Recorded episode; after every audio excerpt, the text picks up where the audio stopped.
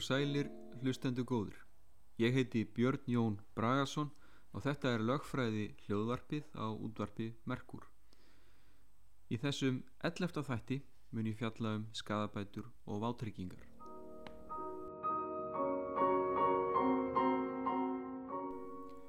Margvíslegar hættur geta stæðjaða hagsmunum manna og þeir geta orðið fyrir tjóni vegna slisa, eldsvoða, þjófnaða, náttúruhamfara, sjúkdóma og svo mættil áframtelja.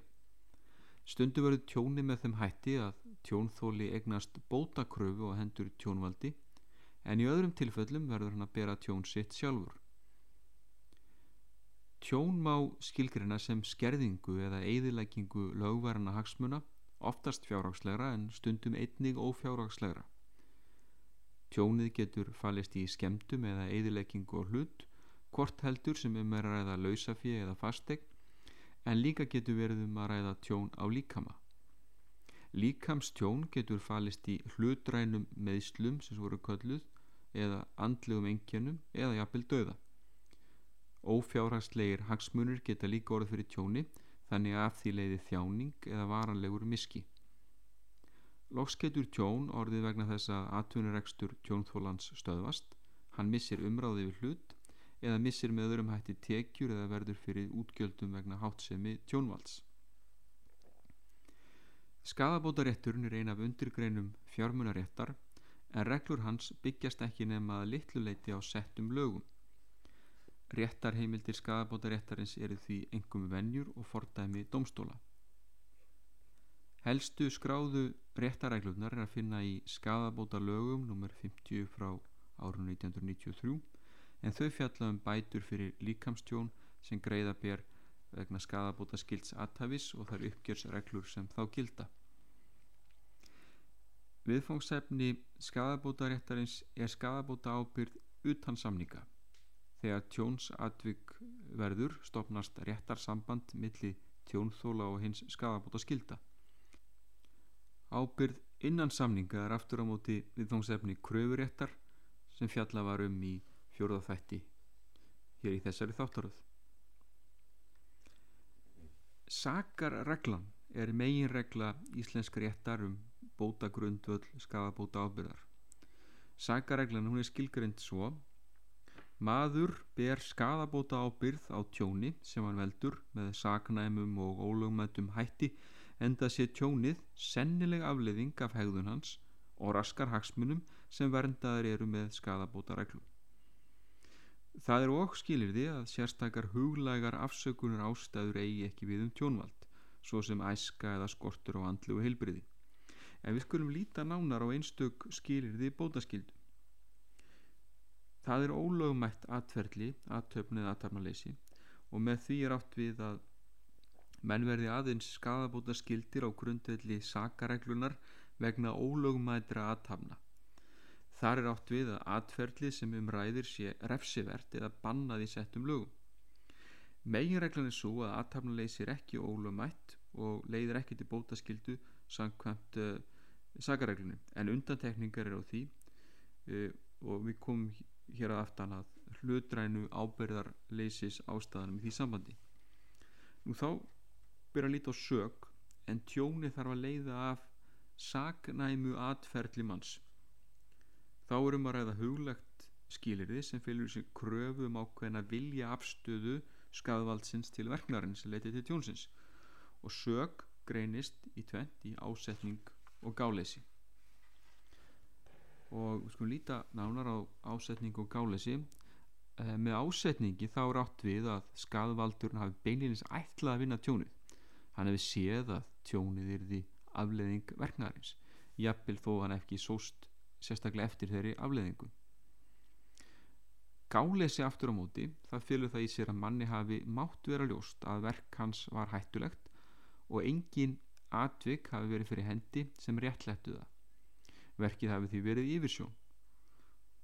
Oft getur verið erfitt að meta hvort um gáleysi var að ræða sérilagi þegar engum settum lögum er til að dreifa. Þá er oft, uh, oft litið til venja eða miða við það hvernig gegn og skinsamur maður hefði farið að við sömu aðstæður. Og gegn og skinsamur maður er í lögfræðinni nefndur upp á latínu bónus pater familias.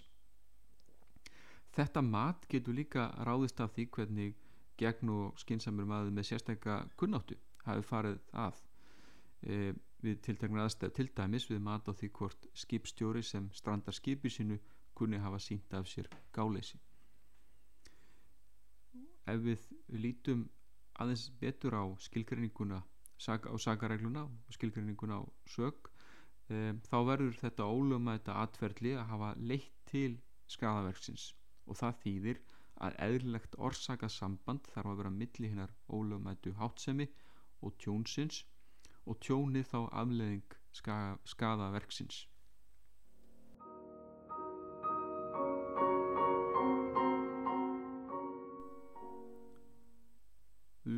skulum líta stuttlega á óhappa tilvik. En um, það er kallað óhappa tilvik þegar orsaka samband mellir tjóns og hátt sem er sönnuð án þess að nokkrum séum að kenna og tjónið eh, verður ekki rakið til gáleysis eða ásetnings. Þetta getur áttuð um tilvik þar sem reyn tilviljun veldur því að tjónið verður. Tjón sem verður vegna óhappa tilviks skapar ekki bótaskildu á grundvelli sakareglunar en mörkin millir óhapatilvika og tilvika við höfða almennu gáleysi geta verið æði og óglögg. Í þessu sambandi skulum við líta á hæstærðadóm frá 10. november 2011, það er mál réttarins nr. 29 frá því ári, en þar voru atvökk þegar kona sem við skulum kalla E, hún var fyrir tjóni er hún steg á döðlu sem lág á gólfi við ávaksta borð í Veslun Hagköps og Eðistorgi og já, hún fjall við það að stíga á döðluna. Konan í, hún taldi að hagköp bæri skadabóta ábyrð á tjóni sínu þar sem þeim hefði búið skilda að hreinsa aðskota hluti af gólfinu til þess að tryggja öryggi viðskiptavina líkt og vinnurreglur vestlununa bæri með sér. Nú konan taldi að eftirliti hefur ábóta vant og það því haft í för með sér slisa hættu fyrir þá sem áttu leiðum ávaksta borðið Það var niðurst á hæstaréttar að ekki var hægt að rekja slís konunar til sagnæmrar vanrækslu starfs, starfsmanna hagköps heldur yrði að telja að um óhappa tilviljun væri að ræða. Uh, hagköp var því síknað af kröfu konunar. Hérastómur taldi, hafði aftur á móti talið að hagköp bæri skadabóta ábyrð á tjóni konunar og vísað til þess að hagköp hafi verið kunnugt um áhættuna að matvælum á gólfinu í umrætum hlutum vestlunarinnar og af þeim sögum borið að hafa sérstakka aðgátt á þessum stöðum. Hæstiréttur félst hins vegar á það með hafa kaupað ógjörningur hafi verið fyrir starfsmenn hans að koma í veg fyrir að ávextir fjallu og gólf vestlunarinnar eða að fylgjast svo nákamlega með að jafnan sé strax undan breyðast við þegar slikt gerist. Taldi hæstiréttu því aðeins að umvar að óhappa tilvik sem ekki væri hægt að reykja til sakar vestlunarinnar.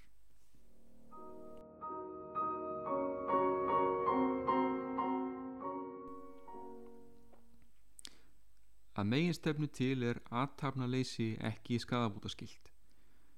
Við getum tekið dæmi að manni sem á leið í verslun á laugavegi að vetri til og verður þess var að meirinn meters laung grílukerti hanga nýður af þakskegginu og yfir gangstéttina framann við verslunarhúsið.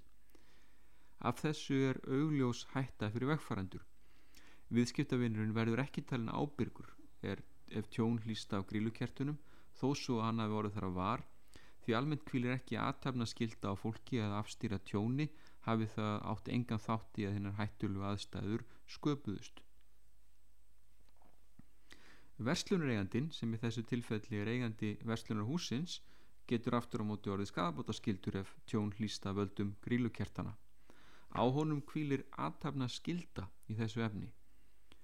Reglan er að maður verði ekki skadabótaskildur vegna aðtapnaleysis á því aðeins við að engin aðtapna skilda kvíli á hann.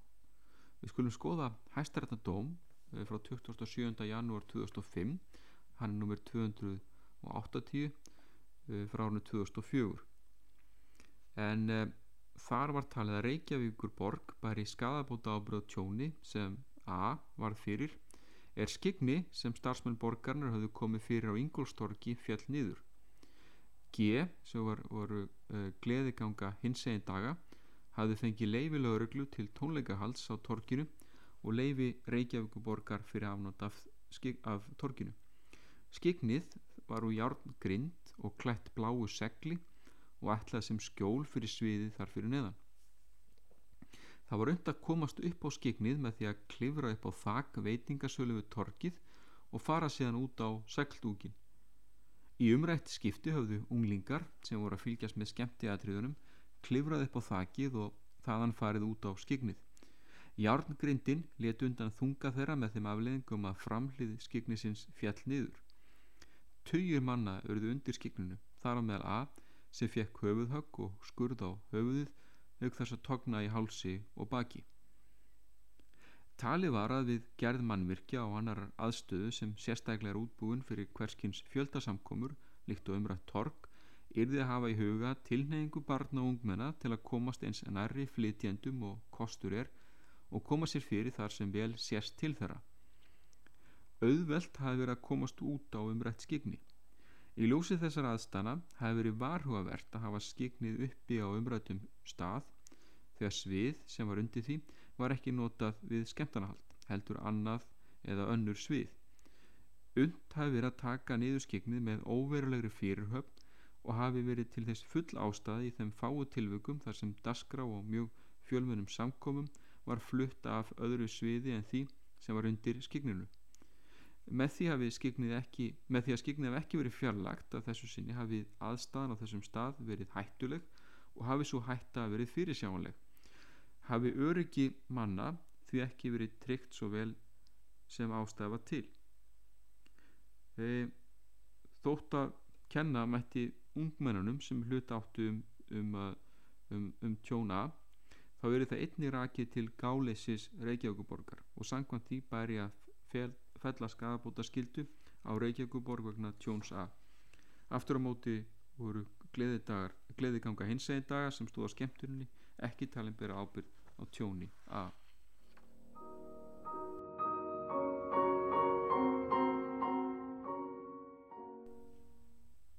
Við skulum þá líta á ólögmætti og hlutrænar ábyrðarleisis ástæður sem svo eru kallaðar en háttsemi hún þarf að vera ólögmætt til að hann geti leitt í skadabótaskildu eins og ég nefndi hér að framann en við tilteknar aðstæður þá getur háttsemi sem undir eðlum kringumstæðum teldist ólögmætt verið talin lögmætt og í því sambandi þá tölum við um hlutrænar ábyrðar leysis ástæður og þær eru fimm talsins og ég ætla að koma að þeim uh, hverju einni hér. Fyrir að fyrsta þá er það neyðar vörn en maður uh, en ef maður veldur öðrum manni tjóni með hátsemi sem réttlætist af neyðar vörn þá ber hann ekki skadabóta ábyrð en varnirnar verða þó að vera í réttu hlutfalli við hættun á árásinni og tjónið sem hefði líklega af því hlotist. Maður mætti þannig ekki grípa til skotvapna til að verjast árós vopplaus manns, svo dæmis í tekið. Hátt sem er þess sem aðtapna sig í skjóli neyðarvarnar þarf að hafa verið nöðsynleg til að verjast árós. Og í því sambandi þá, vil ég nefna hér danskan dóm frá árið 1960, hann er í úgeskrift for Redvesen frá því ári e, á blaðsíð 205 en þar háttaði svo til að eigimaður konun okkurar létt ófriðlega og hafði uppi tilbyrðum að beita hana ofbeldi. Hún kallaði á hjálp og aðvíðandi komu tver menn sem yfirbuguði eigimannin en við þetta hlaut hann nokkur meðsl. Maðurinn höfðaði skadabótamál og hendur mönnunum í kjölfarið og konun sömulegis sem hann var þá skilin við. Þau voru alls síknuð af skadabóta kröðu mannsins. Rétt hefði verið að konunni að hvaðja menna til svo ráðamætti niðurlegu mannsins jafnvel þó svo að þeir hefði gengið lengra en nöðsynlegt var. Næsta hlutranna ábyrðaleysis ástæði neyðar réttur en verk getur verið nöðsynlegt til þess að vernda lögmæta hagsmunni gegn yfirvóndi hættu og þá eru skertir hagsmunni sem telja verður miklu minni. Nú þriðja er óbeðin erindisrekstur eða erindrekstur sem er kallað negotiorum gestio og latín hann er fólkin í því að maður annast hagsmunni annars manns án hans leifis eða annars sérstags réttarsambands á milli þeirra Í þessu sambandi vil ég nefna sænskan hæstæftadóm sem byrtist í uh, NJA árið 1972 í nú, ný uh, júridísk afdeling það er að blæðsum 88 uh, en þar hafði húsegandi verið dæmdu til að greiða sveitarfélagi kostnað sem það hafði haft að því að láta slökkvilið fjallega lausar þakplötur af húsi hans sem talda voru hættulegar vegfærendum og eignum í nágrennum fjórða uh, ástæðan hlut, hlutrann ást, ást, ábyrðaleysis ástæðan er samþykki en það er hugsanlegt að maður samþykki fyrirfram að verði hann fyrir tjóni af háttsemi manns muni hann ekki hafa upp í skadabótakröfu þetta er í reynd afar fátítt en sem dæmum á nefna en maður samþykir að taka þátt í tilrömi líf og aukaverkanir eru þekktar eða þá þegar aðstofamaður konu nývakastara samþykir að taka þó ástæðu sem því fylgir að nýfum sé kastaði í ástæðanatilinnar og nývakastarinn er þar með leistur undan skadabóta ábyrð e,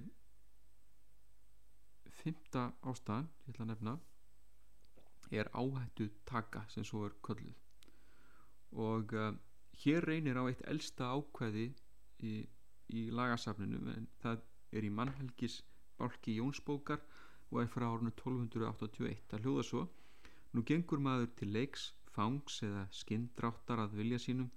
Þá ábyrgist hann sig sjálfur að öllu þó að hann fái megin eða skada af. Og hér er vísað í fornar íþróttir fang og skinndrátt e, þetta merkir að komi maður sér viljandi í þá aðstöðu að meiri hætta sér á tjónin ella þá verður hann sjálfur að bera ábyrða því tjóni sem hann verður við við þær aðstöður og afsala sér þar með skadabótarétti þessi regla getur átt við í hættulugum bardaga í þróttum en líka einsum hópi í þróttum þar sem meðsliru tíð eins og til dæmis knaspitnu eða handbólta aðrar íþróttir og leikir geta komið til greina en mörkin er ekki alltaf ljós og í því sambandi e, má nefna hæstæratadóm frá 19.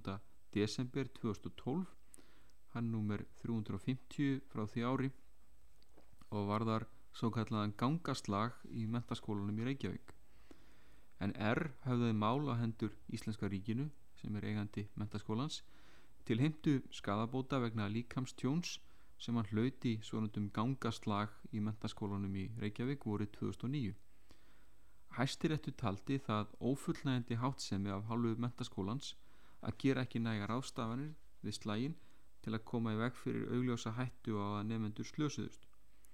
Það er því metið í stjórnundum skólans til gáleisis sem Íslenska ríkið bæði bæri skadabóta ábyrð á. Á hinbóin vísaði rétturinn til þess að, að R hefði sjálfur ráðið þáttöku sinni í slagnum og verið fulltíða þegar aðtöku gerðust. Sankvæmt því er því R látin bera helming tjónsins sjálfur. Íslenska ríkinu var gert að greiða R skadabætur að helmingi, að helmingi vegna tímabundis atvinnutjóns, þjáninga, varalegs miska og varalegra örorku, auk hluta umkrafina kostnæðilega vegna sjúkrakostnæðar og annars fjártjóns. Hér múi líka nefna hæstærðardóm frá 7. april 2017 það er mál nr. 457 frá árunni 2016 en þar krafðist L sem skulum kalla L viðkenningur á því að á og M sem er Íþróttafélagi Mjölnir bæru óskipta skadabóta ábyrð og líkamstjóni sem hann hvaðst hafa orðið fyrir en fjell í glímu við á í bardagarhing Íþróttasal Mjölnis árið 2014 Tilgangurinn með viðburðunum Íþróttasalunum var að láta L, L heia glímu við vanan keppnismann sem liði skemmtidaskráði til efna fyrirhugðu brúðköpu hans. Þetta er svo kallað stegjarparti í dómi hæstaréttar kom fram að gögn málsins og framburður aðil og vitna fyrir dómi bæri með sér að tilgangur þess að ell fór inn í bardaðarhingin með ái umrætt sinn eh, hefði ekki verið til kennslu í bardaíþróttum heldur til þess að hafa mætti af því skemmtan fyrir viðstata. Þá hafði ell gert sér grein fyrir því áður hann gekk til leiksins að henn fyrirhugðu glímutök krefðust líkamlegar snertingar og að í slíkum átökum gætu menn slasast. Vísast uh, Vísa var til þess að í íslenskum rétti hefðu lengi gilt reglur um áhættutöku sem ættu sér ótrúlega stóði dómafrænkvæmt á skriði skadabótaréttar. Að þessu gættu og með hlýðsjónað myndskeiðum og framburði aðala fyrir dómi var talið að ell hefði upphafi leiksins fengið nokkra leiðbenninga frá á um það hvernig hann skildi bera sig að í leiknum og að á hefði við umrætta fellu borið sig í aðalatriðum að eins og í fyrri fellu.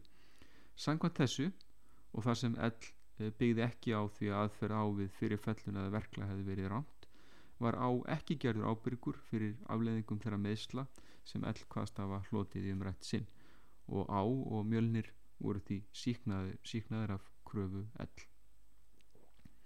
Hér má líka nefna uh, annað Jónsbókar ákvæði sem er, um, sem er í fullu gildi það, og var það skadabóta rétt en það, er, en það byrtist meðalans í hæstartadómi frá 1972 frá, sem er á blaðsíðu 192 í dómasafnu það ár en þar atvökk þess máls voru þau að B var stattur í húsi sínu hann var hernalus og, og geðsjúkur Hann taldi að verkamenn sem væri við störf þar ekki langt frá trubluðu sig.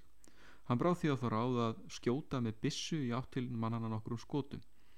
Hann hæfði ekki neitt þeirra en eitt skotið fór í gegnum stýrishúsa og vélkrana sem var notað til að lifta steipu. Kúlan fór rétt fram við hendur G sem stjórnaði kranunum án þess þó að hæfa hann. Hann hlut taugafall og var frá vinnu um nokkur skeið. G krafði bætur, uh, krafði B um bætur fyrir teikjumissi og svo þjáninga og miskabætur. Fyrir dómi var deilt um það hvort B bæri bóta ábyrð þar sem hann var ekki sakhafur. Niðurstaða undirréttar og hæstaréttar var svo að sangkvæmt grunnreglu uh, 8.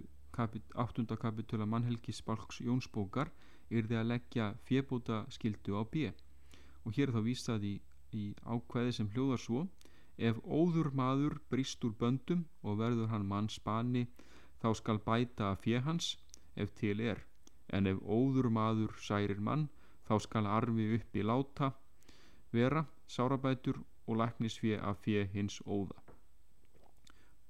Tilvittnum líkur í Jónsbók. Eins og sjáum á þessu ákveði er það atviksbundi en þannig eru Jónsbókar ákveði jafnan. Þau hafa ekki verið skilin nákamlega eftir orðana hljóðan heldur sé grunnhugsin svo að andlega vanheil maður beri bóta ábyrð þótt honum verði ekki refsað. Og hér er vísa til þess að óður maður brjótist úr böndum en geðveikir menn voru á þjóðvildisöld hafðir í bandi eins og uh, utandýra eins og menn muna úr Gíslasúður Súrssonar.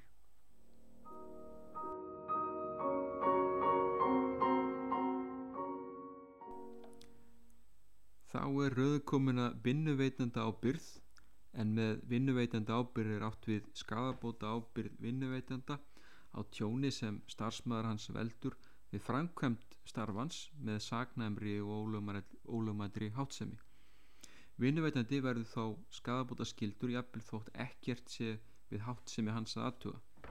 Að baki þessar reglu býr svo skoðun manna að eðlegt sé að vinnuveitandi beri ábyrð á tjóni sem aðri verða fyrir í starfsemi hans í ljós, ljósi þess að hann njóti hagnaðar af starfseminni og ráði skipulagi hennar og hverji séu ráðni til starfa. Háttsemi starf, starfsmannsins má þó ekki vera fjarrri starfi hans. Ef hann veldur tjóni með háttseminni sem hafði ekkert að gera með uh, starf hans uh, er, er ólíklegt að vinnuveitandi verið dæmdur skafabóta skildur Í því sambandi má líta á hæstrættadóm 5. júni 2014 það er málnúmer 696 frá 2013 það var þar líkams árás dýravarðar en í niðurstu hæstaréttari því máli sagði meðal annars, meðal annars að þótt upphaf uh, þeirra atbyrjarásar sem deilt varum hefði tengst starfi dýravarðana hefði ætluð atlaga þeirra að R verið framinn löngu eftir að skiptum þeirra laug og langt frá andiri veitingahúsins framferði þeirra þess að dýravarðana hefði verið því verið svo fjarrri starfskildum þeirra að ekki er þið fælt ábyrð á vinnuveitandan L.E.H.F. vegna líkamstjóns R og L.E.H.F. var því síknað af kröfu R með vísan til þess var VAF T.H.F. ekki talin skafbótaskildur á grundvelli ábyrðatryggingar vegna LEHF.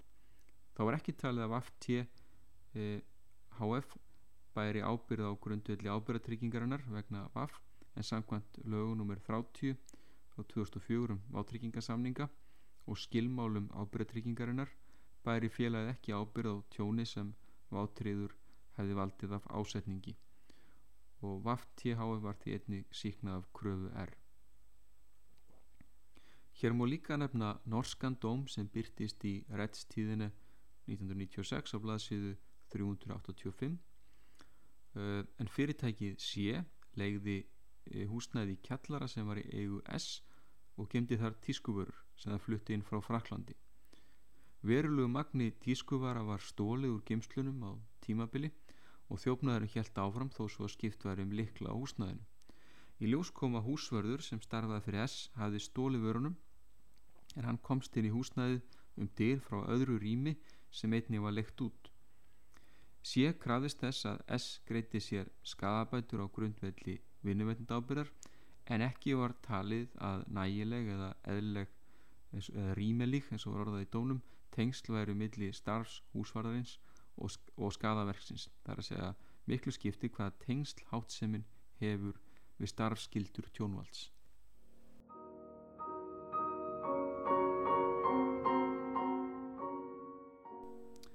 Lítum þá á hlutlæga ábyrð. En í sumum tilfellum getur stopnast til skadabóta ábyrðar án þess að tjónvaldur hafi sínt af sér sagnama hátsemi. Það köllum við hlutlæga skadabóta ábyrð.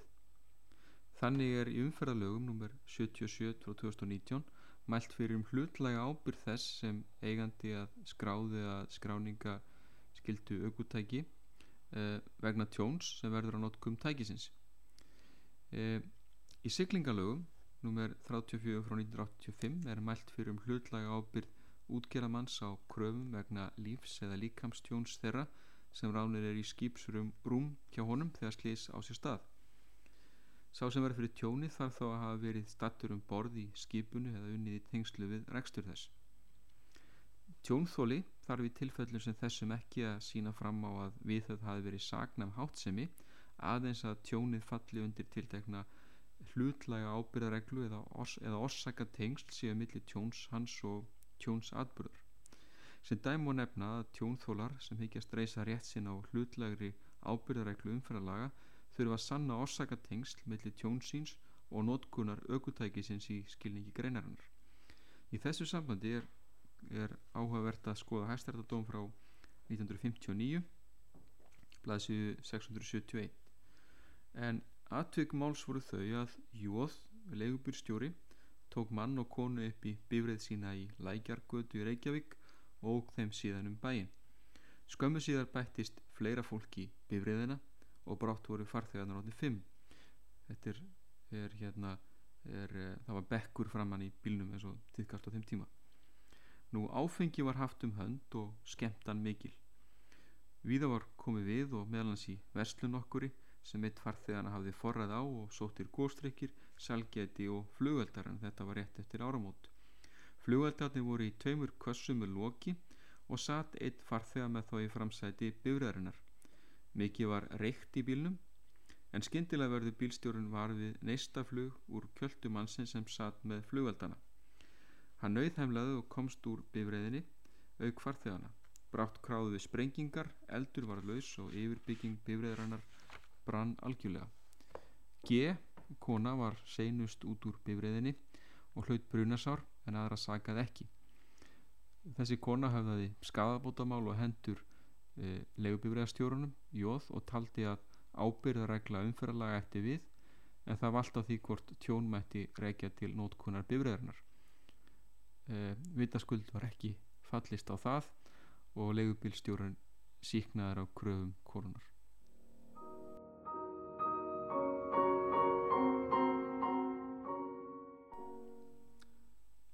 Í lögum um skaðsemis ábyrð nr. 25 frá 1991 er mælt fyrir um ábyrð framleiðanda eða dreifingaræðila á tilteknu tjóni sem verður vegna ágalla í söluvöru.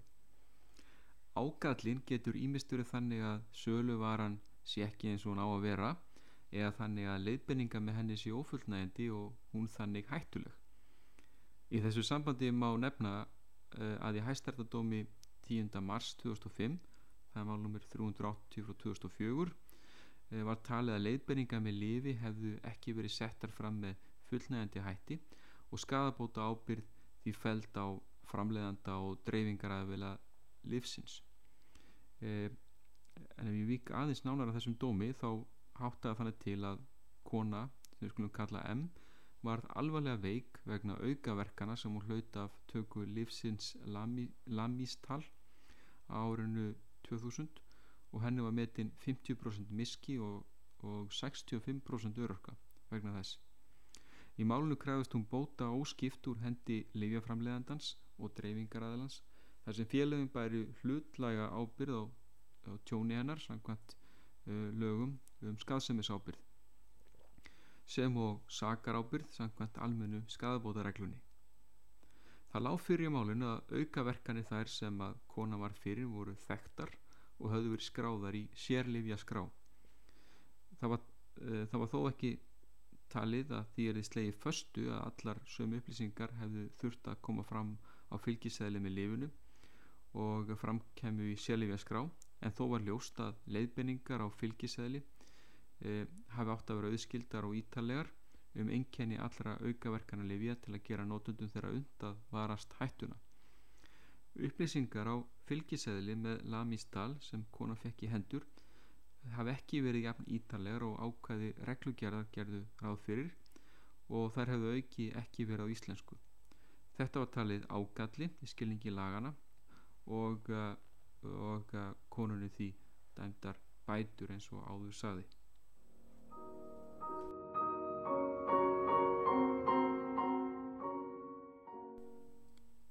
Þá er rauðin komin að vátryggingu. En menn vátryggja hagsmunni sína til að fyrra sig áhættu vegna tjóns en vátryggingin hún fylgur í sér dreifingu áhættunar með tiltur að lágum greiðslum frá hverjum og einum vátrygginga taka nægir jafnan að bæta það heldar tjón sem verður að tilteknum hagsmunum. Til grundvalla liggja þá útrekningar starfræðinga og hagfræðinga Einstök vátryggingar félög geta tryggt sig með því að endurtryggja hjá öðrum og stærri vátryggingarfélögum, oftar en ekki erlendis. Áhættun er þannig dreift en frekar sem leðir til aukins öryggis í þjóðfélaginum. Lögum vátryggingarsamlinga lögum vátryggingarstafsum eru, eru nummer 100 frá 2016 og um vátryggingarsamninga gilda lög nummer 30 frá 2004. Vátryggingar félag tekur að sér að bæta vátreyðum fyrir sjálegt tjón á grundelli vátryggingarsamnings. Hinn vátreyði greiðir vátryggingarfélaginu þóknun sem kallast yðgjald. Vátrygging gegn tjóni eða eðilegging og hlut, réttindum eða öðrum hagsmunum nefnist skadatrigging. Skadatriggingum er ætlað að bæta raunvörulegt fjárarslegt tjón hins vátreyða innan marka vátryggingar fjárhæðarinnar. Sá sem nýtur vátryggingar á ekki rétt á herribótun en sem nefnur tjóni hans en hugsunin er svo að hinn vátriði ekki eigi að vera einsettur fjárhagslega eftir tjónið og hann var áður en tjóns atbyrður átti sér stað. Hann á semst ekki að hagnast á tjóninu. Sem dæmi um skadatryggingar má nefna vátryggingu aukutækja, rekstrarstöðunatryggingar og ábyrratryggingar. Nú, um, vátryggingar sem eiga að vernda þá hagsmunni sem félast í lífi og heilsumanna eru aftur á móti kallar personutryggingar. Það eru grænst í þrent, það eru slísatryggingar, það eru til að vernda hinn vátriða fyrir líftjóni eða líkamstjóni sem leiði til örorku vegna slísa og örorku getur verið metin hvort heldur sem læknisfræðilega eða fjárhagsleg. Annar flokku persontrygginga eru sjúkratryggingar sem veita vernd gegn heilsu eða líftjóni að völdum sjúkdóma.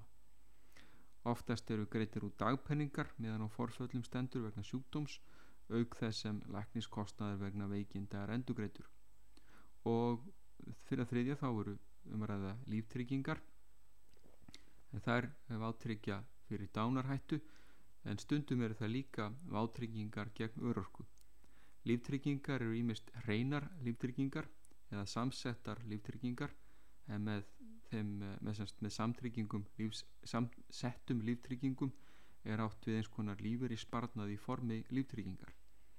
Tiltekin fjárhæð er þá greitt út á umsömdu tímamarki það er við ákveðin aldur líftryggingar taka vátryggingar fjárhæðin er því alltaf greitt út annarkvort við andlát vátryggs eða við lok samlingstímans líftryggingar skýrtin eru viðskiptabref og um þau gilda viðskiptabrefa reglur eins og höfur fjallaðum áður í þessari, þessari þáttaröð. Tryggingar greinast einnig að megistefni til í skildutryggingar og frjálsartryggingar. Skildutryggingar eru lögbóðnar og þeirra helstar eru ábyrratryggingar aukutækja, slísatrygging aukumanna og brunatrygging húsegna. Fólki og fyrirtækjum er frjálst að kaupa aðra tryggingar en þær sem eru lögbónar og þar má nefna innbústryggingu eða svo kallar heimilistryggingar eða slisa og sjúkratryggingar. Sá sem á sög á árekstri tveggja bifræða er gjarnansagður hafi verið í órétti eins og það kallað, hann er í órétti, hinn augum er þá sagður hafi verið í rétti og fær þá tjónið sitt bætt úr ábyrratryggingu hinnar bifræðarinnar sem er lögbúðan þar að segja þess sem var í órétti. Hinn aukumadurinn fær aðeins greitar bætur vegna tjóns á eigin bifrið ef hann er með kaskotryggingu sem er stundum kölluð hóftrygging. En kaskotrygging er ekki lögbúðan heldur valkvæð.